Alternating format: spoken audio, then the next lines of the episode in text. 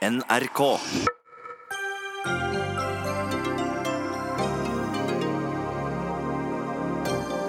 Trumps tidligere valgkampsjef Paul Manafort risikerer å sitte resten av livet i fengsel om han blir dømt for skattesvindel.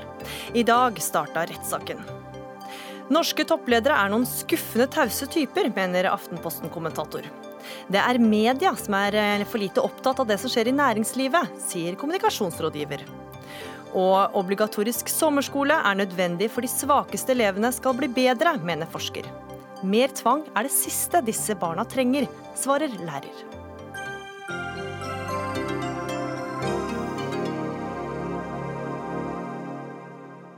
Ja, det er noen av sakene du får høre eller se denne siste dagen i juli i Dagsnytt 18. Jeg heter Gry Veiby. I dag starta altså rettssaken mot president Donald Trumps tidligere valgkampsjef Paul Manafort. Han står tiltalt for omfattende økonomisk kriminalitet. 18 anklager om skattesvik, hvitvasking av penger og svindel mot banker. Likevel er det ikke tiltalen om økonomiske forbrytelser som gjør Manafort eh, interessant for verdenspressen.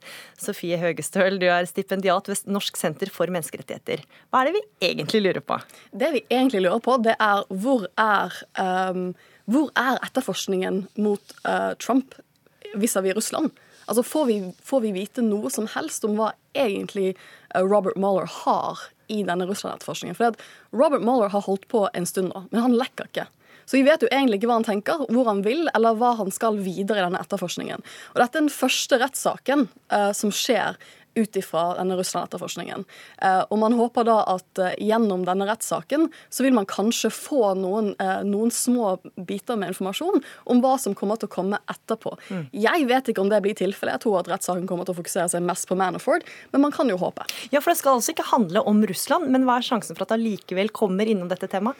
Det er det, det, er det vi ikke vet, i og med at uh, igjen Robert Mueller lekker ikke. Uh, men det vi vet, er at det handler jo om Trumps tidligere valgkampsjef. Og det hadde jo vært store nyheter, til og med i Norge, dersom Erna Solbergs tidligere valgkampsjef hadde blitt uh, tiltalt for, uh, for, alle disse forholdene som Manafort nå står tiltalt for. Så Det er klart, det hadde jo vært interessant uansett, men det er jo denne koblingen til Trump som er det spesielt interessante og grunnen til at vi snakker om det her i Norge. Mm. USA-korrespondent Anders Magnus, vi har vært litt innom det, men gi oss en liten innføring. Hvem er Paul Manafort? Han er vel en slags eh, politisk leiesoldat eh, som jobber for, eller har jobbet for diktaturer og geriljaredere. Han er utdannet advokat, han kaller seg selv politisk konsulent. Eh, og jobber, har jobbet som lobbyist, bl.a. for tidligere diktator Ferdinand Marcos på Filippinene.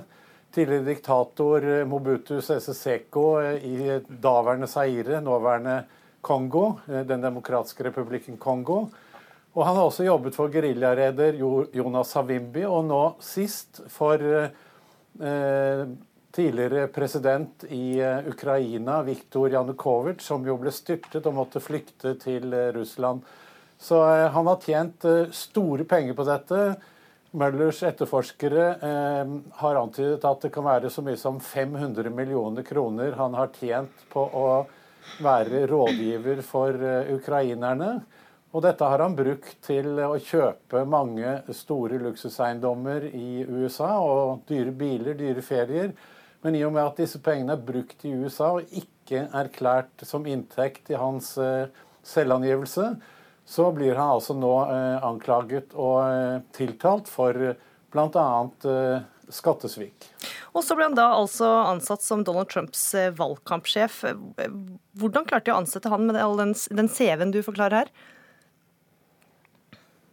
Han har jobbet for mange andre presidenter også. Han har jobbet for Ronald Reagan og George W. Bush. Så eh, han har vært en akseptert eh, person i det republikanske partiet. Hvor man da har godtatt at han også jobbet som lobbyist for en del andre litt mer shady typer. Han begynte i valgkamporganisasjonen til Trump i mars i 2016, og så i juni ble han sjef for operasjonene. Men så måtte han da også da slutte allerede i august, fordi det da ble, kom fram at han hadde fått penger fra partiet til Viktor Janukovitsj i Ukraina uten at han hadde registrert seg som eh, agent for en fremmed makt, som man må gjøre hvis man skal være lobbyist for eh, interesser utenfor USA. Mm. Høgestøl, flere av personene som skal vitne mot Manafort, har fått immunitet. Det er ikke veldig vanlig. Hva tyder det på? Nei, Det er ganske uvanlig at en dommer går med på å gi hele fem vitner immunitet. For det betyr jo at de vitnene sannsynligvis ikke kunne ha vitnet uten den immuniteten, fordi at de skal snakke om forhold som også vil inkriminere de, som også ville satt de i en strafferettssak. Um, og det, det betyr jo at de kommer for det første å snakke om kriminelle forhold. Um, og for det andre så er jo uh, Vi har fått navnene på disse personene, og de personene ser ut til å være regnskapsmedarbeidere uh, i selskapene uh, som Paul Manafort har vært involvert i. Og Det betyr nok antageligvis at vi kan forvente at de vil vitne om at de har sett F.eks. en del av disse transaksjonene som påtalemyndigheten allerede har dokumentert. Men de skal nok kommentere den dokumentasjonen og si at her så vi allerede tilbake i 2006 eller 2008 at her var det noe snuskete som ikke stemte. Mm. Anders eh, Magnus, det er jo da spesialetterforsker Robert Müller som har ansvaret for granskningen av anklagene da, om russisk innblanding i presidentvalget i 2016. Hvordan går det med den etterforskningen nå? Den går eh, framover. Hvor raskt det går, det vet vi ikke. For som du har påpekt flere ganger, så er det ingen som lekker fra Mullers etterforskning. Og det er jo en god ting. Det er jo Alle andre steder så lekkes det jo voldsomt her. Men vi skal huske på at det er to rettssaker Manafort skal gjennom nå, som eh, er reist eh, av anklagerne i Mullers team. Denne første dreier seg kun om eh, finansielle spørsmål, om økonomiske forbrytelser. Og sannsynligvis kommer ikke ordet Russland til å bli nevnt overhodet i denne rettssaken. Bl.a. fordi dommeren som presiderer over denne saken, har tidligere sagt at han vil ikke ha noe av at man trekker inn eh, Russland-etterforskningen. Her er det bare eh, de økonomiske forbrytelsene eh, man skal snakke om. Og dette er en rettssak i Virginia, hvor Manafort bor. Så kommer det i september en ny rettssak mot Manafort, hvor disse anklagene om sammensvergelse med Russland skal komme opp. Og Den blir jo den mest interessante. Men grunnen til at alle er så oppmerksomme om denne første rettssaken, er jo fordi man nå kan se hvor god Mueller er. Klarer han å få gjennomslag for anklagene og vinne denne rettssaken, så vil jo det være et bevis på at han kanskje har noe fare med i resten av etterforskningen også. Klarer han det ikke, blir Manafort frikjent, eh, så vil det være et seier for ham selvfølgelig, men også for Trump, som da eh, sikkert kommer til å få vann på mølla i sine anklager om at Møller bare driver en heksejakt mot ham, og at det er politisk motivert, og det er ingen grunn til å etterforske dette. Så denne saken er veldig viktig for det som nå skjer videre, Høgestøl? Ja, for det er den første rettssaken hvor man tester som sagt, hvor flinke eh, denne, disse etterforskerne og hvor flink statsadvokaten som jobber med saken, har vært til å innhente informasjon. For de har spilt ganske høyt. Eh, jeg vil jo si at eh, Robert, Robert Mueller har vært ganske rå som statsadvokat. Han har jo fått en hel haug med mennesker til å inngå sånne erklære seg skyldig og inngå samarbeidsavtale med han. Den eneste personen som ikke har gjort det, er Paul Manafort. Så det er første gang vi ser hvordan dette står seg i i en rettssak. Så dette er viktig, for det vi ser nå, er jo at uh, advokatene til Trump og Trump selv uh, bruker mye tid på å undergrave selve etterforskningen og kaller det en heksejakt. Og det er klart at Hvis Paul Manafort blir dømt her på en overbevisende måte, så vil det bygge opp under den, uh, at dette er en reell etterforskning som faktisk har noe å si. Mm. Så Anders Magnus, Trump oppi alt dette her, er han engstelig for det som skjer? Det vet jeg ikke. Dessverre kjenner jeg ikke de innerste følelsene til Trump. Men han, det vi vet, er at han eh, senest i juni så sa han at uh, han prøver hele tiden å minimere sin forbindelse til Manafort. Og i juni så sa han at han kjente han ikke, og han hadde knapt nok jobbet for ham. Og det er jo litt spesielt når han var leder for valgkamporganisasjonen hans og jobbet for ham i fire måneder. Eh, det mange lurer på nå, er jo om, eh, om Trump kommer til å tvitre under valgkampen, om han klarer å holde fingrene fra telefonen, så å si. Eh, og det blir jo spennende å se. Det som vi kan også legge til, er jo, som Høgebøl sa, så, så, er det jo mange som nå samarbeider med, med Mueller i denne etterforskningen. Og blant dem er Manafords Manaforts tidligere kollega og nære venn Rick Gates. Han var jo også med i valgkamporganisasjonen til eh, Trump. og var også med på alle disse transaksjonene med Ukraina. Han skal nå vitne for Mueller i denne saken. Så eh, det er jo å regne med at det kan komme ganske sterke vitneforklaringer fra eh, denne mannen. Altså, jeg sitter her med tiltalen som kom mot begge disse to mennene i oktober i fjor. og Da er de jo begge tiltalt for alle disse forholdene. og Jeg har studert juss på samme universitet som Paul Manafort, eh, og som nå også Tiffany Trump studerer på. Um, og, og, jeg husker at Min professor i strafferett sa at når en person uh, turns snitch, altså begynner å tyste mot den andre mm. personen som er mer tiltalt, da betyr det vanligvis at noen kommer til å dømmes. Det blir spennende å følge med på denne saken, som da trolig vil vare i tre uker. Eh, og starter da i dag med utvelgelse av jury. Men først i september da, så starter rettssaken om hvilken rolle Russland spilte i den amerikanske valgkampen.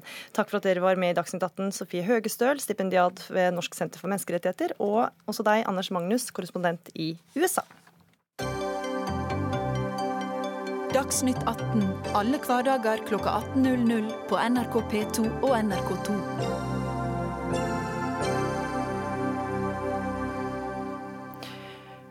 Kan Senterpartiet aldri innrømme at det finnes eh, fordeler med å være en del av EØS-avtalen. Spørsmålet kommer fra direktøren i Norsk Industri etter at Senterpartiet sa at regjeringa tar feil når de gir EØS-avtalen æren for at Norge slipper EUs nye ståltollsatser. For etter at Donald Trump innførte nye høye tollsatser på import av stål og aluminium, svarte EU med å heve tariffene på stål. Men Norge slapp altså unna. Knut Sunde, direktør i Norsk Industri, hvorfor er EØS-avtalen avgjørende for at EU ga Norge et unntak? Fordi eh, norsk industri investerer 40 milliarder kroner i Norge hvert eneste år. Og, det, og man baserer seg på eksport, og da må man ha fri markedsadgang. Og det meste av salget går til EU-land. Og da må vi være helt sikre på at varene våre kan bli solgt i EU. Og når nå EU innførte den tollen overfor alle land, så unntok de Norge og EØS-landene helt eksplisitt.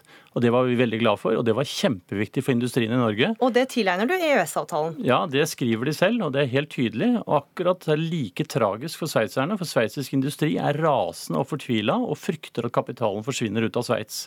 Så dette er ikke noe lek, dette er blodig alvor og dreier seg om arbeidsplasser over hele landet.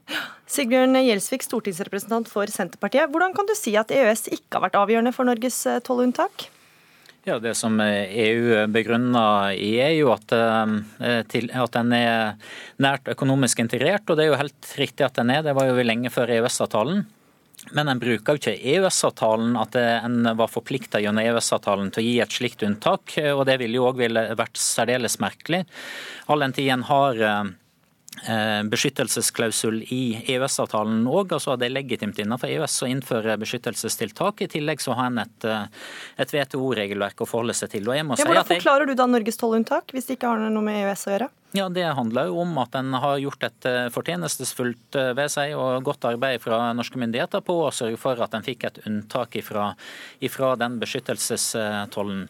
Men hvis det var slik at det var nedfelt i EØS-avtalen at Norge eh, hadde en rett eh, på sin side til å ikke bli omfattet av eh, det tiltaket, så hadde det ikke vært nødvendig for norske myndigheter å utføre et slikt påvirkningsarbeid. Men det er jo og Sist gang som EU hadde en ståltoll i 2012, ble, nei, 2002, så ble jo òg Norge ramma den gangen. Så at her er det et påvirkningsarbeid som har skjedd fra norsk side, det er ikke EØS-avtalen. Så her er det rett og slett eh, norske diplomater som har jobba, eller norsk, norske folk som har jobba hardt for å få til denne avtalen? Ja, og det har jo en gjort over tid. Og det har jo en sett både diplomater, men òg fra regjeringshold. Og som sagt fortjenestesfullt det at en har, har, gjort den jobben. Men samtidig så er jo det òg viktig. Det er to ting knytta til det her som er Jeg skal bare få Sunde til å svare på det, at her er det folka som har gjort jobben, det er ikke EØS-avtalen? Ja, Gjelsvik eh, har litt rett i at norske regjeringer har gjort en kjempejobb. fordi man lykkes ikke i 2001 med det samme. Men det er EØS-avtalen er veldig skeptisk til denne type tiltak, men det er ikke hugd i stein. Men det som er poenget er at sveitsisk industri og norsk industri er like integrert med europeisk industri. Men vi, og Sveits er ikke medlem av EØS? Sveits har en sånn handelsavtale som de nordafrikanske landene, som er verdt veldig lite disse dager. Og det er nå vi ser forskjellen på EØS og handelsavtale. Det er veldig tydelig i denne. Og de viser til EØS-avtalen fordi vi har felles statsstøtteregelverk. Vi har et ESA, et kontrollorgan utenom Norge, som passer på Norge. De nekter sveitserne, og derfor så får de ikke dette unntaket. Så Sveitserne prøver seg på sånn pose og sekk, hvor de skal ha full markedsadgang uten å være underlagt EØS-avtalen. Og nå ser vi forskjellen. EØS-avtalen betyr at arbeidsplassen i Norge fortsetter, og i Sveits så er det panikk i sveitsisk industri for tiden. Ja, Gjelsvik, Sveits er da altså ikke medlem av EØS, og de har forsøkt å forhandle seg fram til tollunntak uten å klare det. Er ikke det et tegn på at EØS har hatt en avgjørende rolle også for Norge? Nei, det er ikke pga. EØS-avtalen, det er pga. at de har gjort et dårligere arbeid. I tillegg så, så er jo situasjonen for Sveits noe annerledes enn for, for Norge sin del. Riktig at sveitserne òg har eksport på, på stål og, og i, til EU, men, men, de har jo nettoimport. sånn at deres men Gjelsik, situasjon du, du snakker om at, er, at de har dårligere arbeid. Hvordan vet du at Sveits har dårligere forhandlere enn Norge f.eks.? Ja, men det, Hvorvidt de er dårligere forhandlere, det kan jo òg ha med hvor høyt det her har vært prioritert. Som sagt, Sveits har jo ikke nettoeksport til EU av stål, det er nettoimport. Så det er en annen situasjon. Men det som jeg syns er problematisk her. og Jeg syns òg at eh, representanter for norsk industri bør være opptatt av det. Så du mener bare at det rett og slett ikke har vært viktig nok for de som har forhandla? Det er derfor de ikke har klart det? Det er i hvert fall slik at eh, Norge har fått gjennomslag, selv om vi ikke har en formell rett gjennom EØS-avtalen til, eh, til å Men du forklarte det jo med at, de hadde gode, at Norge hadde bedre forhandlere ja, enn Sveits? Ja, for at Norge har fått gjennomslag. Vi har ikke noen formell rett gjennom EØS-avtalen. Tvert imot så inneholder òg EØS-avtalen rettigheter i forhold til å kunne innføre beskyttelsestiltak når det er behov for det. Og Det er rettigheter som jeg mener òg er viktig at vi skal slå, slå ring om. for at I en gitt situasjon så kan det av hensyn til norsk industri være behov for at Norge innfører beskyttelsestiltak mot EU. Det, det er det ene. Det andre er det, det, det, andre er at vi som et land som er opptatt av internasjonale kjøreregler for handel, må ta vare på de internasjonale kjørereglene som er innenfor WTO en viktig, eh, og Der er det ganske klare regler for når en skal innføre, kunne innføre beskyttelsestiltak eller ikke, og at det ikke skal være diskriminering mellom ulike land. Ja, Sunde, Hvordan forklarer du den, eh, at Norge rett og slett er bedre forhandlere enn Sveits? som har fått gjennom dette her? Nei, Norge har vært på hugget, men det har sveitserne òg. Jeg kjenner sveitsisk industri, og jeg vet at den sveitsiske regjeringen har vært i, i skyttelmøter i Brussel for å få til dette her, og i Berlin og andre steder. Sånn at man har gjort den samme jobben. Norge har lykkes fordi EØS-avtalen med felles regelverk på konkurranse, offentlig innkjøp, statsstøtte og ESA gjør at Norge er mer troverdig, og derfor viser de også til EØS-avtalen. Og Senterpartiet kan ikke innrømme at EØS-avtalen her har vist seg mye bedre enn en handelsavtale som EU er skittlei av. For den sveitsiske handelsavtalen består av masse enkeltflak på enkeltområder, og EU er så lei av sveitserne på det området. Men, men og det der har heller ikke noe med struktur å gjøre, for det er 271 stålprodukter som nå har unngått toll. Og i neste omgang så er aluminium, hvor vi har eksport på 30 milliarder kroner. Og hele Vestlandet er smekka full av aluminium, som vi vil ha tollfritt til EU. Og Sveitserne de skjelver med tanke på hva som kommer på aluminium og hva som kommer videre. Men det vet jo ingen hva som kommer på aluminium. Nei, men det er en undersøkelse som pågår hvor EU skal ta en beslutning ved nyttår. Og vi håper nå at det, det som nå EU har gjort, får presedens også på aluminium og eventuelle andre saker, enten det er biler og bildeler hva som måtte komme. og Det er derfor sveitserne er så forbanna. Fordi de vet at dette her har betydning for andre industrigrupper. og her er Industrien ja, er vevd i hverandre. Sveits ikke har gitt, gitt uh, tollimporten, og så tar de heller til aluminium? da, At de bruker det som forhandlingskort? Ja, det er, det er vi, Nå får vi se at beslutningen på aluminium er en selvstendig beslutning. Men det er vår vurdering at vi har vunnet kampen en gang for alle. Men vi må slåss også for å tol, få tollfrihet på aluminium, som er mye viktigere for Norge, og som dreier seg om Distrikts-Norge i stort monn. Det kan ramse opp ti steder fra Nordland ned til Lista som er helt avhengig av salg eh, til EU. Og Distriktene er jo dere opptatt av, Gjelsvik? Ja, definitivt. Og det er viktig at vi norske regjeringer bidrar til gjennomslaget her. Det klarte en altså ikke sist gang i 2002, da EU innførte ståltoll. Det gjorde en den gangen. En har hatt akkurat den samme EØS-avtalen. Mm. Men det som en òg er Og Da skal jeg bare spørre deg, Sunde. for Han nevner jo 2002. Hvorfor klarte vi det ikke den gangen? Nei, det kan du si, men den gangen var det ikke god nok jobbing. Men vi har et unntak i EØS-avtalen som sier at dette er forbudt. så her tilsvarer du også, Det er jobbinga du mener? Altså, jobbingen er viktig, og Gjelsvik har litt rett i at det WTO-regelverket det er litt uklar juss. Du kan ha 18 advokater hvor 9 sier det ene og 9 sier det andre, både på EØS-avtalen og på WTO. Men i Norge har fått forståelsen av EU på at EØS-avtalen er så viktig med statsstøtte og ESA og Sveits driver og surfer, litt sånn Senterpartiaktig, som skal ha fulle rettigheter uten å være med på moroa. Og Det vil de ikke ha noe mer av i EU. og Derfor har de satt ned foten nå. og Dette er veldig skjellsettende. EØS-avtalen gir norske arbeidsplasser, og Sveits er forbanna. Og Det er bare å spørre sveitsisk industri, Gjelsvik, bare lese sveitsiske media, så ser du hvor, hva de frykter konsekvensene av dette videre. Og dette her dreier seg om arbeidsplasser, ikke om ideologi. Gjelsvik, jeg må jo spørre deg da, tror du Sveits ville blitt holdt utenfor selv om de var en del av EØS-avtalen? Ja, Uansett om de hadde vært med i EØS eller ikke, så måtte de ha gjort et påvirkningsarbeid. På samme måten som Norge har måttet gjort et eh, påvirkningsarbeid. Vi fikk gjennomslag denne gangen, vi fikk ikke gjennomslag sist. Så det er ikke EØS-avtalen jeg står på, men det er muligheten som en har til å øve påvirkning. Og den er viktig, men det er viktig å slå ring om de internasjonale handelsreglene som en har òg. Sånn at en ikke får en situasjon der enkeltland internasjonalt, store land, innfører beskyttelsestiltak vilkårlig mellom ulike land. og Det bør norsk industri òg være opptatt av. At en slår ring om WTO-regelverket, som sier at det skal være strenge krav i forhold til når en kan innføre beskyttelsestiltak. Ja, WTO-regelverket har EU fulgt til punkt og prikke, og det har også Norge gjort. Men da må Gjelsvik forklare meg. Når alle EØS-landene, Liechtenstein, Island og Norge har fått unntak, og det er Norge som har kjørt lobbyingen, kan du forklare hvorfor Liechtenstein og Island også har fått, og det viser til EØS-avtalen? Fordi de, har, de, andre landene har ikke vært så aktive. Så det er, det er bare tull det der med Sveits. Det har du fra egen lomme, og det er greit at du prøver deg, men dette har ingenting med saken å gjøre. Det er Sveits og Norge som har prøvd å få unntak. Norge og alle EØS-landene har blitt unntatt. Ja, Hvordan svarer du på det da, Gjelsvik? Er ikke EØS da, Viser ikke det at det er en stor faktor? Nei, det er ikke EØS-avtalen som, som, er faktoren her. Eh, og det at Norge er tett Men når de andre EØS-landene klarer å få det til? Det som, det som står i eh, vedtaket, er at EØS-landene er tett integrert med EU-markedet. og Det har vært lenge før en fikk EØS-avtalen. Vi har hatt eh, tollfri eksport på alle industrivarer siden 1977 til EU-markedet. Så at det at det skyldes EØS-avtalen, det blir helt feil å, å skulle si. EØS-avtalen blir en stadig mer upopulær avtale fordi at den griper inn på stadig nye områder innenfor norsk arbeidsliv, innenfor norsk energipolitikk. Og da fikk norsk... du den siste jo. harangen der, Sigbjørn Gjelsvik, stortingsrepresentant fra Senterpartiet. Takk for at du var med i Dagsnytt 18. Takk også til deg, Knut Sunde, direktør i Norsk Industri. Og er altså rundt juletider så er det forventa at EU skal ta en beslutning rundt toll på aluminium. Så får vi se da hvordan Norge kommer ut av det.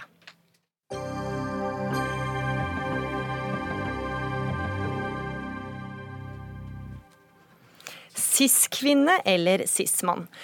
Kanskje har du aldri hørt om det, eller eh, kanskje har du hørt det uten å vite hva det betyr. I Store norske leksikon står det at å være cis-kjønnet betyr at du identifiserer deg med det biologiske kjønnet du er født med og oppdratt til. Unødvendig, tenker du kanskje, men begrepet brukes stadig oftere, og ikke bare av eh, yngre generasjoner, men også hos spaltister i aviser som The Guardian. Og eh, Nora Mesen, du er kriminolog, eh, samfunnsdebattant og spaltist i Morgenbladet. Hvorfor er dette begrepet viktig? Dette begrepet er jo viktig som en deskriptiv term for meg, først og fremst. Og det er et begrep som også favner en alvorlig virkelighet. Man ser i forskning eh, at det er store levekårsforskjeller mellom eh, cis-personer og transpersoner, som er motsatsen. De som ikke er født med et kjønn som tilsvarer den identiteten de har. Eh, og det slår seg ut på diskriminering på arbeidsmarkedet, eh, mobbing i skolen, eh, vold, hatkriminalitet. Men Hvorfor er det da viktig å kunne bruke dette begrepet da? Språk er jo noe som synliggjør virkeligheter og utfordringer, og som også gjør det håndgripelig når det kommer til å utvikle tiltak. Eh, og hvordan skal man finne ut hvordan virkelighet er hvis man ikke kan sette, sette språk på det, er jo en viktig eh, motivasjon eh, for å ha nettopp et språk. Men for mange mennesker som også ikke er cis, så møter man jo på, på mange fordommer. Og, og, diskriminering. Også for de som lurer på nå, da, hva er det cis står for? Cis det er jo eh, et latinsk begrep som betyr på samme side, og trans eh, betyr på motsatt side. Og da, Hvordan forklarer du det da? Altså, hva betyr det da? Det betyr, Jeg for er en cis-person. Jeg er født med en kropp og ble tildelt en kropp ved fødsel som samsvarer med den kjønnsidentiteten, kjønnsidentiteten jeg har. Så det er en deskriptiv term som sier noe om min kroppslige virkelighet, men det er ikke eh, Men født kvinne og føler deg som en kvinne, da er du cis? Ja, ja, det kan man jo si. Ane Stø, leder i kvinnegruppa Ottar. I Klassekampen skriver dere at mange feminister har et problem med begrepet. Hvorfor det? Det, det, er fordi, som du refererte til, at, at cis innebærer da at man identifiserer seg eh, med eh, det, eh, det kjønnet man har kroppslig. Hvorfor er det et problem? Men, men også sosialt kjønn. Altså den kjønnsrollen som man er tildelt i og med biologien sin. Og det er jo der vi, vi, får problemer, for mye av kvinnekampen handler jo nettopp om at kjønnsrollene ikke skal, eller at kjønn ikke skal definere eh, hvem vi er, eh, hvilke muligheter eh, som, som, vi har som mennesker. Så hvis jeg sier at jeg er cis-kvinne, hvilke hindre, eller hvordan mener du at det er problematisk? Eh, altså, du må gjerne omtale deg som, som cis-kvinne, det, det, har jeg ikke noe problem med. Eh, problemet er jo når man omtaler eh, alle som ikke er trans, som cis. For da impliserer man jo at, at vi som ikke er trans, Eh, identifiserer oss med vår kjønnsrolle. Og for det første så, så, kan man jo ikke vite hvordan andre identifiserer seg. Så derfor mener jeg at det er et autoritært begrep. For det pådytter folk man ikke vet hvordan identifiserer seg, en, ja, en, en, virkelighet som de kanskje ikke kjenner seg igjen i. og for det andre så, så sier man jo òg da at det å ikke være trans er det samme som å omfavne en, en kjønnsrolle. Mm. Uh, og så er jeg òg litt opptatt av at uh, det med kjønn som identitet, altså da, da fratar man jo, eller man, eh, man under undergraver på et vis altså hvor vanskelig det er for mange å, å, leve som kvinner i verden. Altså, eh, jeg er veldig for å støtte transpersoners eh, rettigheter. Eh, ønsker at de skal få leve sine liv i frihet. Hvert, Mesen, altså det er jo da, hun mener jo da, Anne Stø, sånn som jeg forstår det, at det er på en måte du setter eh, i en boks. da. Altså, mm. Hvis du skal, er cis-kvinne, så er du da en kvinne, og du settes i en boks. Mm. Autoritært begrep også, brukte hun jo. Ja, og jeg tenker at det, For meg så er det nyttig å skille mellom det som en deskriptiv term og som en identitet. Jeg har en veldig sterk kjønnsidentitet som kvinne, ikke som cis-kvinne. Um, og um, jeg kan forstå at det er et begrep som kan være nytt for mange, provoserende for noen fremmedgjørende. Og for noen så kan det også handle om at det er ubehagelig å få påpekt at man har noen privilegier. Um, og jeg har også følt den motstanden mot andre typer identiteter jeg har. F.eks. så har jeg en veldig sterk arbeiderklasseidentitet, men det er et faktum at jeg uh, lever i en middelklassesituasjon i dag. Men dette er begreper alle forstår. Altså, Hvor vanlig er det å bruke cis-begrepet? Vil du si? Det er jo et begrep som er eh, veldig nytt eh, internasjonalt og i norsk eh, kontekst, hvis man ser historisk på det. Eh, og på likestillingsfeltet så er det jo eh, veldig mye som har skjedd på veldig kort tid. Så dette er jo en del av den utviklingen vi ser, at vi får et, et bedre språk for å favne de, alle de forskjellige typer menneskene som fins. Eh, både når det kommer til utfordringer og løsninger. Det er på en måte bare å kategorisere, er det ikke det da? Altså, så må jeg si at jeg er veldig glad for, I og med at dette er et ganske nytt begrep, så er jeg veldig glad for at vi kan ha denne diskusjonen med, med innestemme. Eh, og det er masse spennende å diskutere rundt dette. For det skaper eh, veldig engasjement, denne debatten her. Ja, det gjør, det gjør tydeligvis det. Og det er jo fordi det handler jo om vår eh, ja, identitet, vår plass i verden, eh, på, på et vis. Altså, det er jo derfor eh, det er så mye følelser rundt dette. Eh, men hvis vi ser på altså, hvordan det er å være født som, som, kvinne i verden i dag, eh, så er jo ikke det en spesielt privilegert posisjon, eh, må jeg jo si. Altså, hvis man ser internasjonalt, så betyr jo det å være født som kvinne at man blir utsatt for ja, så man kan jo bli Men vil vi si at det er mindre problem å kalle seg cis-mann, f.eks.? Vil du ha mindre problem med det? Er det det at det er cis-kvinne du har problemer med? siden... Problemet mitt handler om cis-kjønn. Altså, man vet jo heller ikke hvordan alle menn som ikke er trans, uh, føler seg, hvordan de kjenner seg hjemme i, i sin kjønnsrolle. Uh, og jeg tenker jo at uh, for meg er det viktig og, at feminismen bekjemper både kjønnsmaktstrukturen og den begrensningen som kjønn legger på livene våre i dag. Og det, det tenker jeg at vi er er nok enige om. Mm. og så er vi litt uenige om perspektivene og hvordan man, eh, hvordan man, oppnår det. Vi har i hvert fall fått en liten innføring i Dagsnytt 18 i dag. Eh, får vi håpe at folk klarte å henge med. Takk for at dere var med, Nora Mesen, spaltist i Morgenbladet, og Ane Stø, leder av kvinnegruppa Ottar.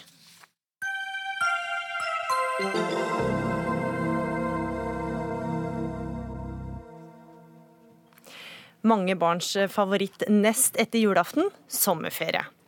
Men mange uker med ferie er ikke bare bra for alle barn. For mens de flinkeste barna kommer tilbake med ny kunnskap, øker gapet til de som i utgangspunktet strevde med skolen. Eh, internasjonale studier viser at sommertilbakefall er et kjent fenomen. Robin Ulriksen forsker ved NIFU, som er Nordisk institutt for studier av innovasjon, forskning og utdanning. I en kronikk i Aftenposten tar du til orde for å innføre obligatorisk sommerskole. Hvorfor det? Nei, altså Det er først og fremst for å få eh, egentlig gitt et tilbud til den gruppa elever som kanskje trenger en sommeraktivitet eh, mest.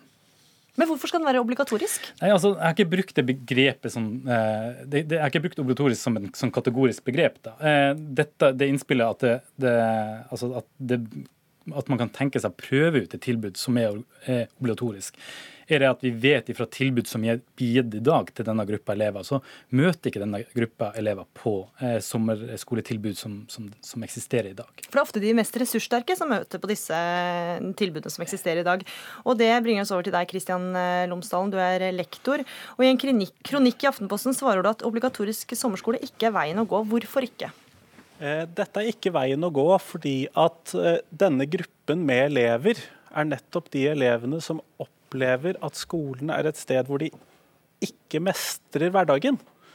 Dette er elever som oftere har færre muligheter til å oppleve mestring. De opplever et nederlag. Professor Peder Haug har eh, trukket fram nettopp skolen som en taperfabrikk nettopp for denne gruppen. Sånn at disse elevene med én eller to i karakter, som ikke klarer å komme inn i systemet på en god måte, de vil jo da oppleve at de blir tvunget til å være på skolen eh, også i sommerferien, mm. noe som vil oppleves som en straff. Ja, Ulriksen, Det kan jo virke som en dobbelt straff. da. Ikke bare syns du at skolen er kjedelig og vanskelig, men du skal også gå der i sommerferien og alle andre er ute og leker i sola? Mm, ja.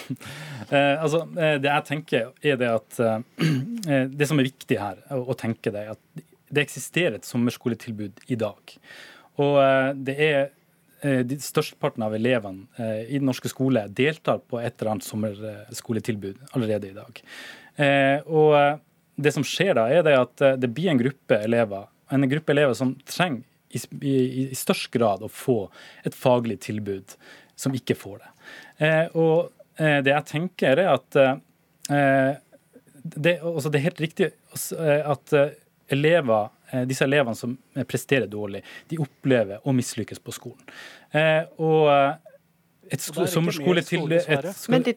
et, et sommerskoletiltak, altså et sommertilbud på sommeren, vil med, altså vil ikke være et skolastisk tiltak der, du, der, de nødvendigvis har den samme læreren og de, det samme pensumet. Men dette er et tilpassa tilbud der elevene møter ja. kanskje flere elever, eh, lærere og mer motiverte lærere. Og Lomsdalen, det kan jo faktisk gjøre at eh, gapet blir mindre. Minske kunnskapsgapet. Mm. Ja, og det er viktig.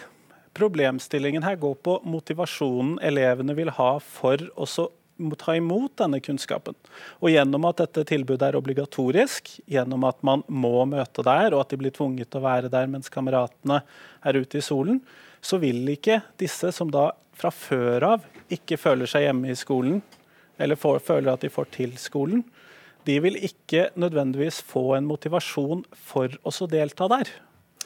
Gjennom at man kan kreve det, gjennom at læreren da kan si at du valgte å komme hit, da må du faktisk bidra. Mm, Istedenfor å si å du må være der. Mm. Dette, eh, sånn at eh, vi må sørge for at disse elevene opplever en aktivisering, at de opplever at de gjør noe med hodet sitt i løpet av sommerferien. Og det kan gjøres på veldig mange måter. Altså Problemet i dag er jo det at kameratene deres eh, antagelig er på et sommerskoletilbud. Eh, så eh, det er en litt sånn Jo, men det gjør ikke noe med motivasjonen deres, da, hvis de syns at skolen er vanskelig å altså, det, det, viser seg altså, at har du gode eh, altså, det har vært tiltak gjennomført i USA på dette, hvor man tilbyr nettopp denne gruppen elever med dårlige karakterer, eh, lavt sosioøkonomisk eh, status, et organisert skole, sommerskoletilbud. Det som er det resultatene viser seg fra den forskninga, er det at det gir et positivt læringsresultat for denne gruppe. Spesielt, hvis, spesielt på, der det er lese, lesekurs. Og det man tenker seg, er at dette tilbudet eh, som gis da i USA, er et tilbud som eh, fokuserer veldig mye på det at disse elevene skal lære seg å mestre det. Eh, det at de opplever lav motivasjon på skole, er jo fordi at de ikke mestrer fagene. Det er jo det som er hovedutfordringa for det at de mangler skolemotivasjon. Eh, og de tiltakene her er tiltak som kan hjelpe disse elevene. Så du vil jo da legge det opp på en måte sånn at de skal føle at de mestrer fagene? Helt riktig. Mm. Lomsdalen, det er jo måten man legger det opp på. Kan jo gjøre den mest uengasjerte eleven litt engasjert, eller? Absolutt, og det er det absolutt noe i. Problemstillingen her går på at man skal ha mer av det samme som de allerede sliter med. Noe som vi burde klare å tilpasse, gi tilpasset opplæring på i løpet av den vanlige skolen, i løpet av de vanlige 185 dagene. Eh, når vi da ser at eh, sommerferien i USA er tre uker lenger enn sommerferien i Norge, så viser det seg jo det at eh, man kan ikke nødvendigvis overføre forskningen fra USA direkte til norske forhold. Så Du mener ikke at nødvendigvis at barna her i Norge får et sommertilbakefall, da, som man kaller det i USA? Og Det tror jeg nok at de får. Men jeg tror nok ikke at hvis vi hadde fått norsk forskning på dette, at man ville sett de samme tilbakefallsgradene. Det er jo derfor jeg tar denne problematikken frem. fordi at dette forsker vi ikke på. Eh, og Mitt poeng her er det at eh, man forsker på dette i andre land og har gode forskningsresultat som, som viser en tilbakegang.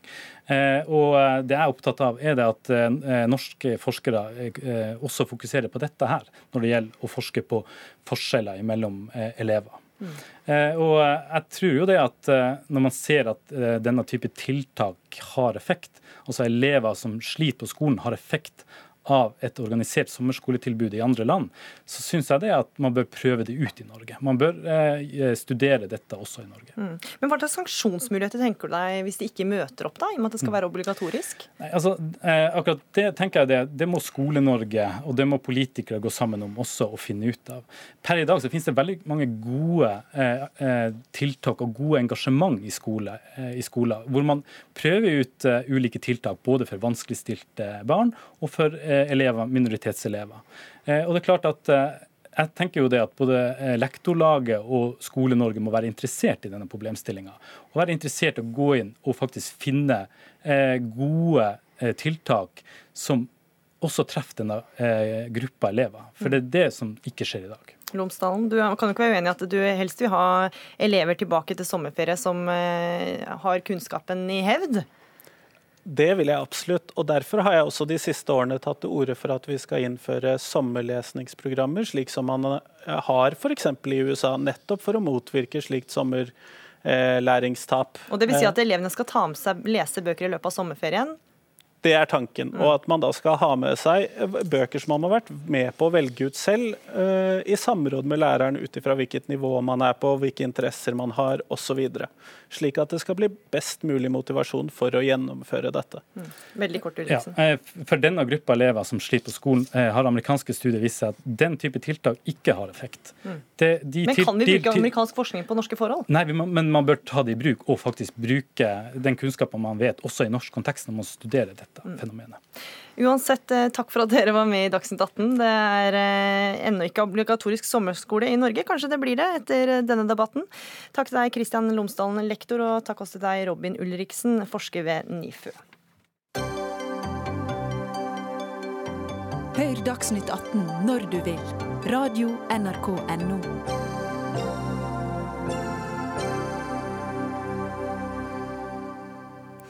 For snart 100 år siden ble åttetimersdagen gjennomført i Norge, og siden har nordmenn fått eh, mindre arbeidstid i form av ferie, fridager og permisjonsordninger. Nå er tida overmoden for et nytt kutt i arbeidstida, mener Miljøpartiet De Grønne, og vil at lønnsveksten til nordmenn delvis skal tas ut i færre arbeidstimer. Målet er at nordmenn ikke skal behøve å jobbe mer enn 30 timer i uka, mot 37,5 timer i dag. En elendig idé for velferdsstaten, mener dere i Høyre. Det kunne vi lese i et innlegg i eh, Dagbladet. Tom Christer Nilsen, du er stortingsrepresentant eh, altså for Høyre. Hva er det som er så galt med Miljøpartiets forslag? Først og fremst så kan vi jo si at nå kan vi bruke store ord som perspektivmeldinger og, og, og den type, men la oss, la oss i hvert fall eh, si at det er gjort relativt mye arbeid for å se på hva som er utfordringene for Norges samfunn framover, for å kunne beholde den velferdsstaten vi har. Det betyr f.eks. at du skal ha fri behandling, gratis behandling på sykehuset, at du skal ha gratis skole, at alle skal få samme mulighetene her. Og En av de viktigste grunnlagene for det, det er at eh, vi jobber. Eh, og helst burde vi jobbe flere timer, ikke hver enkelt av oss, men at flere burde ha heltidsstillinger og, eh, og kunne jobbe full tid. Jeg tror ikke at et forslag som innebærer at hele Norge skal på deltid, er det som vil hjelpe velferdsstaten for du, ja, for du, du, mener det truer velferdsstaten vår? Det truer velferdsstaten vår fordi at ja, det bare tar så enkelt som ta fastlegene, som i dag er en ordning som mange sier krise på. Så er det slik at hvis vi, hvis vi da hadde satt en ettårs reallønnsøkning på 1% så vil det si 138 000 konsultasjoner, altså legetimer, som måtte kanselleres. Fordi at det ikke var eh, noen som kunne ta dem, fordi de har tatt fri litt ekstra. Uh, Istedenfor å få, uh, få en vanlig, vanlig lønnsøkning. Uh, det er en torpedo mot velferdsstaten, kombinert da med standpunktet til MDG om å avvikle olje- og gassindustrien. Det, det, bryter fullstendig med den frie forhandlingsretten i Norge, og det vil øke forskjellene i Norge. Dette er ikke et nytt forslag fra dere, Arild Hermstad. Du er nasjonal talsperson for eh, Miljøpartiet De Grønne. En eh, torpedo mot velferdsstaten, hører du her. Hvordan eh, begrunner du at vi skal gå inn til seks timers arbeidsdag alle sammen? For det første så vil jeg si at Det som virkelig er en torpedo mot velferdsstaten, det er jo den miljøkursen som vi er på nå, og den økonomien vi har i dag. Den står i fare til for å virkelig slå tilbake igjen på velferdsstaten vår. Så jeg mener vi står med et veiskille hvor vi er nødt til å peke ut en ny økonomisk kurs. Eh, da er Men hvordan vil dette her påvirke velferdsstaten, da? Dette forslaget deres, hvis dere hadde lagt om til det med en gang i dag? Altså Det er jo gjort en del eh, vi, vi, har ikke foreslått å gjøre det eh, med en gang i dag. Vi mener at dette skal gjøres av partene i arbeidslivet. Og vi støtter da LO, som faktisk går inn for en arbeidstidsreform.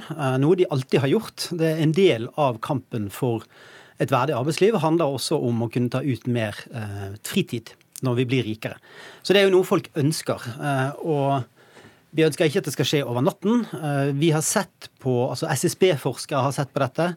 De sier at eh, i 2060 så vil vi være dobbelt så rike som i dag, selv om vi innfører sekstimersdag i 2060. Og alle de fremskrivningene vi har om produktivitetsvekst, det viser at vi har råd til å ha kortere arbeidstid. Og det er jo litt rart hvis Høyre ønsker å stå igjen om 40 år og si at nei, vi vi bodde i verdens rikeste land, men vi hadde ikke råd til at folk skulle ha litt mer fritid. Men, men si 40 år fram i tid, da, når dere da vil, dere vil fase ut oljeboring og at vi skal jobbe færre arbeidstimer. Hvordan går det da med velferdssamfunnet? Altså, Hvordan ser Norge ut da? Eh, jeg tror det er veldig, eh, en veldig stor misforståelse. Det er jo at man kan regne på at det som var lønnsomt med oljeinvesteringene før, skal være like lønnsomt i fremtiden. Vi gambler med klimaet vårt.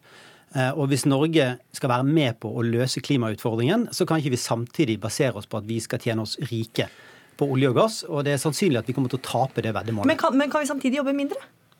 Definitivt kan vi jobbe mindre. Eh, vi, altså vi må huske at staten sparer også noen penger på kortere arbeidstid. Det er samfunnsøkonomisk mange gevinster. Vi får bedre, mindre stress. Vi får, mange får bedre balanse mellom fritid Nei, altså, og arbeidsplasser. Et, et, et, og, og, det er også mange forsøk som er gjort som viser at eh, de ansatte yter mer når de er på jobb. Kortere. Da skal du få lov til å riste på hodet på lufta. Ja, jeg får lov til å riste litt på hodet. fordi det er klart at uh, Nå viser han til modellforsøk når det gjelder SSB bl.a. Men det er klart at når du både fjerner kapitalinntektene våre gjennom å fase ut uh, oljeinntektsiden, og du i tillegg sier at vi skal jobbe mindre, så uh, er det jo faktisk sånn at uh, hva, er egentlig inntektene til den norske staten? De kommer fra to steder. De kommer fra kapitalinntekter og, og de kommer fra skatteinntekter. Og Skatteinntekter er i en stor grad bare en prosentdel av det vi tjener. Det betyr at hvis vi skal gå ned i arbeidstid, og bare skal fortsette med, med samme, samme, lønn ute, og stadig arbeide mindre, så blir det færre timer og mindre kake å fordele. Det betyr f.eks. at norske bedrifter som konkurrerer der ute, de vil ha en lavere, mindre mulighet til å vinne kontrakter, mindre inntekter. Det betyr flere arbeidsledige. Summen av dette vil, eh, vil være en sirkel som gjør at vi da f.eks. skal ned med antall timer som, som leger jobber. Noen av de mest kvalifiserte folkene våre skal da meldes ut av, eh, av sitt, sitt, arbeid, fordi at vi skal ned i, eh, i, i timetall. Men så er det liksom det, det virkelig paradokse spørsmålet som jeg, jeg spør. For hvis logikken er at hvis vi har real, reallønnsøkning, at vi da skal ned i, eh, i arbeidstid, er det da slik at hvis vi har reallønnsnedgang, så skal vi opp i arbeidstid? Eh, Det spørsmålet, altså det som er interessant for oss, er jo rett og slett at vi Nei, nei, har en, vi. Nei, vi, vi har jo en økonomisk modell som, hvor vi mener at miljøet er truet hvis vi fortsetter med den vekstmodellen som vi har i dag. Eh, Og den vekstmodellen vi har i dag, går ut på at vi skal jobbe mer for å tjene mer, for å forbruke mer og for å kaste mer. Og det er ikke en spesielt god visjon. Eh, Og for for å være helt ærlig, for min del er ikke om reallønnen går litt opp eller litt ned, er faktisk ikke det som er viktig for Norge de neste 20-30 årene. Det som er viktig, er at vi klarer en omlegging til en bærekraftig økonomi, hvor vi får et reelt Men er det bærekraftig hvis reallønnen er den samme og du jobber mindre? Har du ikke bare da mer tid til å handle? Altså, det, det kan du gjerne si, men det kommer jo også an på en, en ny økonomi handler jo også om at vi kommer til å kjøpe andre ting. Vi kommer til å ha et mer bærekraftig forbruk. Problemet vårt i dag, på kort sikt, er at vi har ikke endret forbruksmønsteret vårt. Men hvordan vil Det er 30 sekstimers arbeidsdag gjøre det? Endre arbeidsmønsteret vårt? altså det som en 60, Hvis du tar ut mer av produktivitetsveksten i mer fritid istedenfor mer lønn, så får du mindre å rutte med. Du får mindre å putte inn i en eksisterende økonomisk modell som forutsetter at vi kjøper masse ting Nei. som vi ikke trenger, som gir store utslipp, og som ikke er egnet til å løse den eh, miljøkrisen som vi har i dag. Og Det er jo vårt utgangspunkt. Og Hvis vi klarer å få et bærekraftig forbruksmønster, så kan for min del kan reallønnsøkningen eh, gjerne dobles til 2060, sånn som ligger inne i modellen, men da må vi altså først hive ut den gamle modellen som i dag undergraver Men miljøet vi, vårt. vi, vi, får ikke, vi får ikke noe redusert forbruk. Men i alle dager kommer du fram til det. Den eneste muligheten for å få et redusert forbruk er- Lavere lønninger, da? Nei, ja, ikke bare lave lønninger, men da må du også arbeide mindre.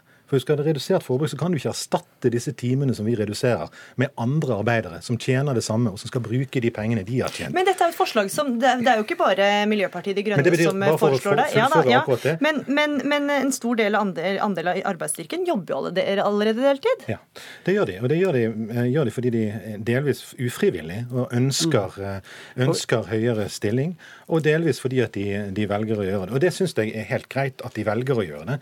Eh, Men samtidig så holder vi på Når vi satt i fylkestinget i, i Hordaland, så jobbet vi jo eh, Unnskyld, det var ikke du som satt der, det var din kollega som satt der. Men han var med på det. Det, var, det var, jobbet jo for å sørge for flere heltidsstillinger. For det er jo mange som ønsket å jobbe dette. Og det her er litt av poenget. Hvis du gjør dette, så vil andre da velge å ta en nummer to-jobb eller noe annet. fordi at det som skjer... Så du vil jobbe like mye selv om det er sekstimersdag? ja, men altså, Du reduserer jo du reduserer timetallet, men du øker timelønnen. Det betyr at i praksis så øker du prisen. Du øker lønnen for å ta en ekstra time.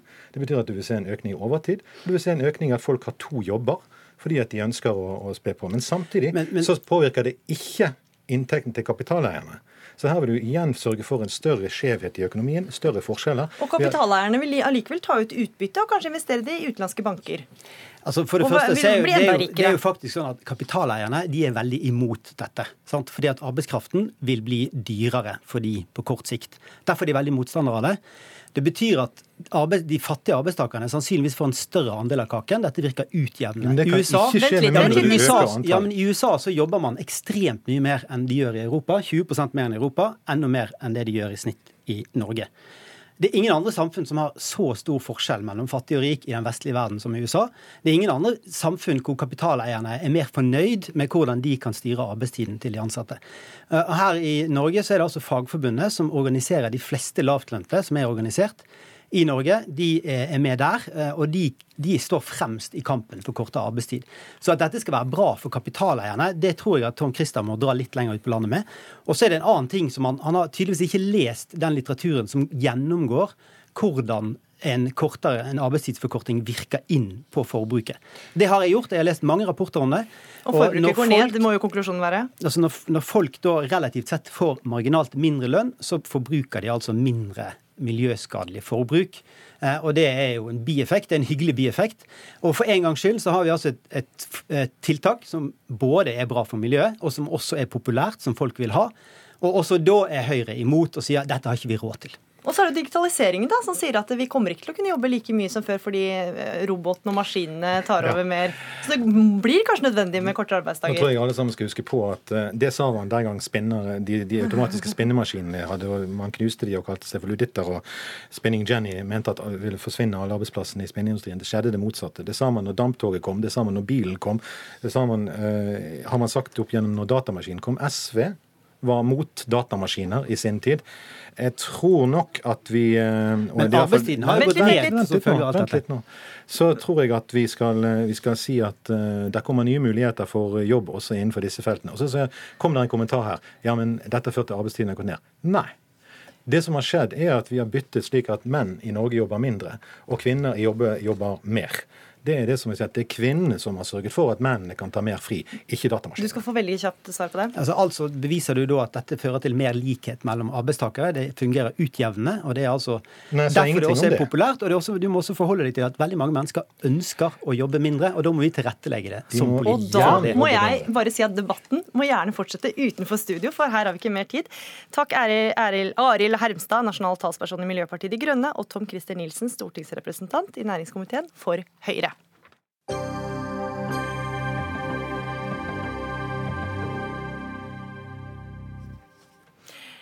Næringslivsledere stiller bare opp i media når de enten skal legge fram årets resultat, eller når de må svare på kritikk. Resten av året er de tause, ifølge Aftenpostens kommentator Veslemøy Hedvig Østrem. Hun savner næringslivslederen i den offentlige samtalen. Og Østrem, eh, hva syns du vi går glipp av uten disse næringslivslederne i offentligheten?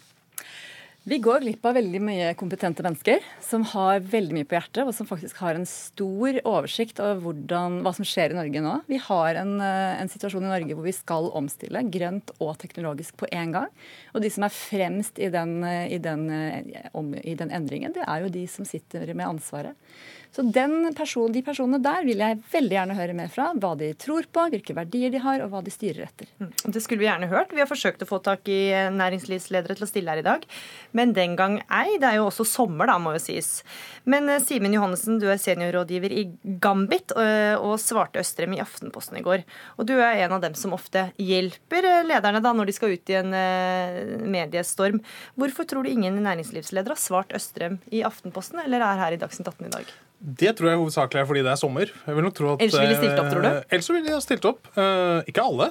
Uh, det er jo litt fryktinngytende å sitte i dette studio, men jeg tror nok noen ville gjort det. Det, det er jeg ganske sikker på. Altså, Hun har helt rett. Altså, næringslivet er, er, viktig. Det skjer mange ting der. Og næringslivet har et ansvar for å, for å delta. Men Hvorfor og, tror du ikke flere engasjerer seg da i samfunnsdebatten? Det gjør de. Altså, det er det som er poenget. Altså, de, de, de deltar, eh, men det er mange måter å gjøre det på. Og det å være i allmennmediene, altså type Aftenposten, NRK osv., er bare én måte å gjøre det på. Det er, det er mange andre arenaer næringslivsledere bruker for å delta i debatten. Et, et veldig sånn eksempel som kommer opp nå, er jo Arendalsuka. Uh, hvor, hvor, politikk og næringsliv og organisasjonsliv møtes der nede en hel uke. Det har aldri vært så mange næringslivsledere der nede som i år. Så de deltar. Mm. Men de er altså ikke De syns nok at Dagsnytt 18 og til dels Aftenposten og sånn, det, er, det krever litt, eh, litt med. Det er et litt annet format, rett og slett. Ja, Østrem, hvorfor skal de absolutt delta i pressen på liv og død? Det er eh, utrolig viktig å ikke bare snakke til menigheten. Uh, Norge, som de da gjør på Arendalsuka, Som de da, da, gjør kanskje også her, men i hvert fall i nisjemediene. Det jeg tror er at næringslivslederne går glipp av uh, mye tilbakemelding. Og det, de formatene du snakker om her, podkaster, uh, Arendalsuka, konferanser, det er klart og det er veldig positivt at de nå er mer til stede der. Men det er også arenaer hvor de får lov å snakke helt i fred. Det er veldig rolige arenaer. Det blir ingen dynamikk, og det blir heller ingen du, mm. debatt. Du kaller det polemikk, at de ikke vil ha polemikk. Jeg tror nok kanskje at de ikke vil nødvendigvis ha så mye kritiske spørsmål. Og det syns jeg de skal vise at de også tåler. Er det omdømmet, Johannessen, som gjør at de er redd for å liksom støte noen uh Altså, det er jo ingen tvil om at altså, det er godt dokumentert at si, et selskaps omdømme henger veldig tett sammen med topplederens omdømme. Og det vet de selvfølgelig. Så de er selvfølgelig opptatt av omdømme. Men nettopp fordi topplederen er viktig, så må de også være synlige. Eh, sånn at de, de, opplever nok selv at de er synlige. Altså, er, eh, jeg leste akkurat en fersk Harvard-rapport i dag som sier at de bruker ca. 10% av tiden sin til å snakke med politikere, med media og med organisasjoner. og sånn, Så de opplever nok selv at de bruker ganske mye tid. Liksom som de ellers da kunne brukt på kunder eller ansatte eller, eller, eller internt. Så de, de, de, deltar. Og jeg vil også si at de, de tåler å få kritiske spørsmål. altså Arendal er ikke noe, er ikke noe puseklubb, det. Eh, men syv minutter Dagsnytt 18 er, ganske, er, liksom, er, mer krevende. Og Det krever jo forberedelser, Østrøm. Har de ikke da nok med å gjøre jobben sin? De styrer jo kanskje store selskaper, mange ansatte, mye ansvar? De har også en, en, viktig del av deres jobb er faktisk å tiltrekke seg eh, den beste arbeidskraften. Og de, de, trenger ny kompetanse inn i sine selskaper. Og det er klart at Den unge generasjonen som nå vokser opp, de er interessert i verdier. De ønsker å jobbe for selskaper som de vet hva står for. Og det får de ikke nødvendigvis vite hvis, eh, hvis arenaene er resultatfremleggelse og krisehåndtering. For det er selvfølgelig to arenaer hvor, hvor, man ikke får det hele bildet av hva norsk næringsliv faktisk er. Så de kan promotere seg sjøl? Ja. Det Men de risikerer jo også på å bli upopulære, da? De risikerer å, å drite seg ut. Og det er en treningssak å være i den offentlige debatten. Eh, det er ikke noe du nødvendigvis eh, mestrer med en gang, og du må kanskje like det litt. Og jeg sier egentlig at næringslivslederne på toppen de burde være litt forplikta til å lære seg å like det. Mm. Og Du har også en del næringslivsledere som er totalt usynlige, og som forvalter veldig veldig store ressurser i Norge. Eh, F.eks. oljefondsjefen, folketrygdfondsjefen. Det er veldig få mennesker som har hørt dem si noen ting på Dagsrevyen siste året. Ja, Johansen, Hva tror du mhm. dine, de du hjelper, hadde sagt om du hadde sagt kom igjen, prøv, du må drite deg litt mer ut. Dette må du tørre. Du kan få nye arbeidstakere. jeg tror nok at uh, Jeg tror kanskje ikke jeg skal si at de, de, må leve med å, kunne drite seg litt ut. Det dreier seg nok om å sette av tid til å trene og til å, til å forberede. Og det gjør det jo. Uh, om ikke alle, da. Men jeg er helt enig, det er en ny generasjon som krever mer av, av lederne og av bedriftene. Men samtidig så kan ikke en toppleder det er ikke troverdig at en toppleder skal mene noe om alle samfunnsspørsmål som kommer til liksom, Du kan ikke mene litt om brexit en dag, og så litt om klima en dag, og så litt om likestilling en tredje dag. Det, det, det, er ikke troverdig. Du må jo ta utgangspunkt i det som er relevant, enten som er måte, for deg selv, eller som er relevant for bedriften, hvor bedriften har noe kompetanse eller noen erfaringer som det er, som, som det er relevant å, å bringe til torgs. Ehm, så noen kan helt klart bli bedre, men det er også mange som er aktive, selv om de altså ikke eh, synes så godt i allmennmediene. Ja, så er det ikke sikkert at de mener så mye om uh, alt forskjellig, da, Strøm? Nei, og det Er de forplikta si... til å mene noe? Ja, jeg mener de har en forpliktelse til å utvide det rommet de har, eh, det de har fått, og det ansvaret de har for å, for å lede Norge videre gjennom en omstilling. Og så syns jeg det er interessant, eh, fordi veldig mange av de som sier til meg at jo, men eh, lederen er, er allerede der, og mediene er så vanskelig å forholde seg til, så tenker jeg det er ikke sånn at, vi skal spørre, at lederen må spørre 'what's in it for me'? Det er faktisk sånn at man må si 'what's in it for samfunnet'. Og den rollen de har, også for å fortelle hvor mangfoldig det næringslivet vi har, er, den tar de ikke helt på alvor i dag. Hvilket ansvar har sånne som han, da? Han har ansvar å ikke alltid polere alle budskap. Fordi det vi får inn til redaksjonene, er ofte veldig ferdigtygd og veldig ferdigpolert og veldig upersonlig. Og jeg vil heller ha mer passion og, og lidenskap enn, enn, jeg vil ha disse ferdigtygde mm. budskapene. Ja, Johansen, kan sånne som deg, kommunikasjonsrådgivere, stå i veien for at eh, lederne bare kommer ut med polerte budskap? Eh, vi kan helt sikkert beskyldes for det noen ganger. Eh, men generelt så vil jeg si at det er vi presser på. Altså det, er en, det, er en, det, er på en måte en litt sånn myte at, at vi ikke ønsker nærmest at lederne skal stå frem. Jeg opplever at det er mye oftere er motsatt. Vi mener at her er det en mulighet for deg, her kan dere mene noe, her har dere noe å si, her har dere en interessant erfaring. Så er det lederne som vegrer seg litt fordi de lurer på om de håndterer det, om de har tid til det, om de har tid til å følge opp, hva blir reaksjonen osv. Så, videre. så vi presser på. Ehm, så kan selvfølgelig vi også, vi også bli bedre eh, på, på, det, men jeg opplever at vi tar det ansvaret. Absolutt. Og Søstrøm, så er vi i media veldig opptatt av konflikt. Det er jo ikke alltid det er en konflikt, eller at medierne eh, de har lyst til å gå inn i en konflikt. Så vi har vel Nei. litt ansvar der, vi også? Ja, det er klart. Vi, hvis, hvis, lederne bare møter oss når de legger fram resultatene sine, eller når det er en krise i selskapet, så blir jo ikke den relasjonen spesielt god. Og da får man jo heller ikke skapt de kildenettverkene man trenger å ha i, i mediene, for at man kanskje får den litt grundigere og, og tryggere dialogen. Uh, og så skal vi selvfølgelig vi også innse at uh, veldig mange allmennmedier uh, de har De kan godt også bli litt mer nysgjerrige på, på omstilling, teknologi, kompetanseheving. Hva gjør dere for, eksempel, da, for å få flere ledere til å skrive innlegg i Aftenposten? Vi, eh, altså det vi har sett nå, etter at jeg skrev denne kommentaren, er at det strømmer på, men stort sett mest ifra uh, gruppa di, rådgiverne. Uh, jeg gleder meg til, til, det strømmer mm. inn med tekster fulle av lidenskap som er fra topplederne selv. Det, det, det, skal jeg ta et initiativ til. Ja, så bra. Og så får vi også se om det er noen toppledere som melder seg både til deg og til Dagsnytt 18, som nå er over. Takk for at dere var med. Veslemøy Østrem, kommentator i Aftenposten. Takk også til deg, Simen Johansen, seniorrådgiver i Gambit. Ansvarlig for sendinga i det tunne Tuna Øretsland, teknisk ansvarlig Erik Sandbråten, og i studio Gry Veiby.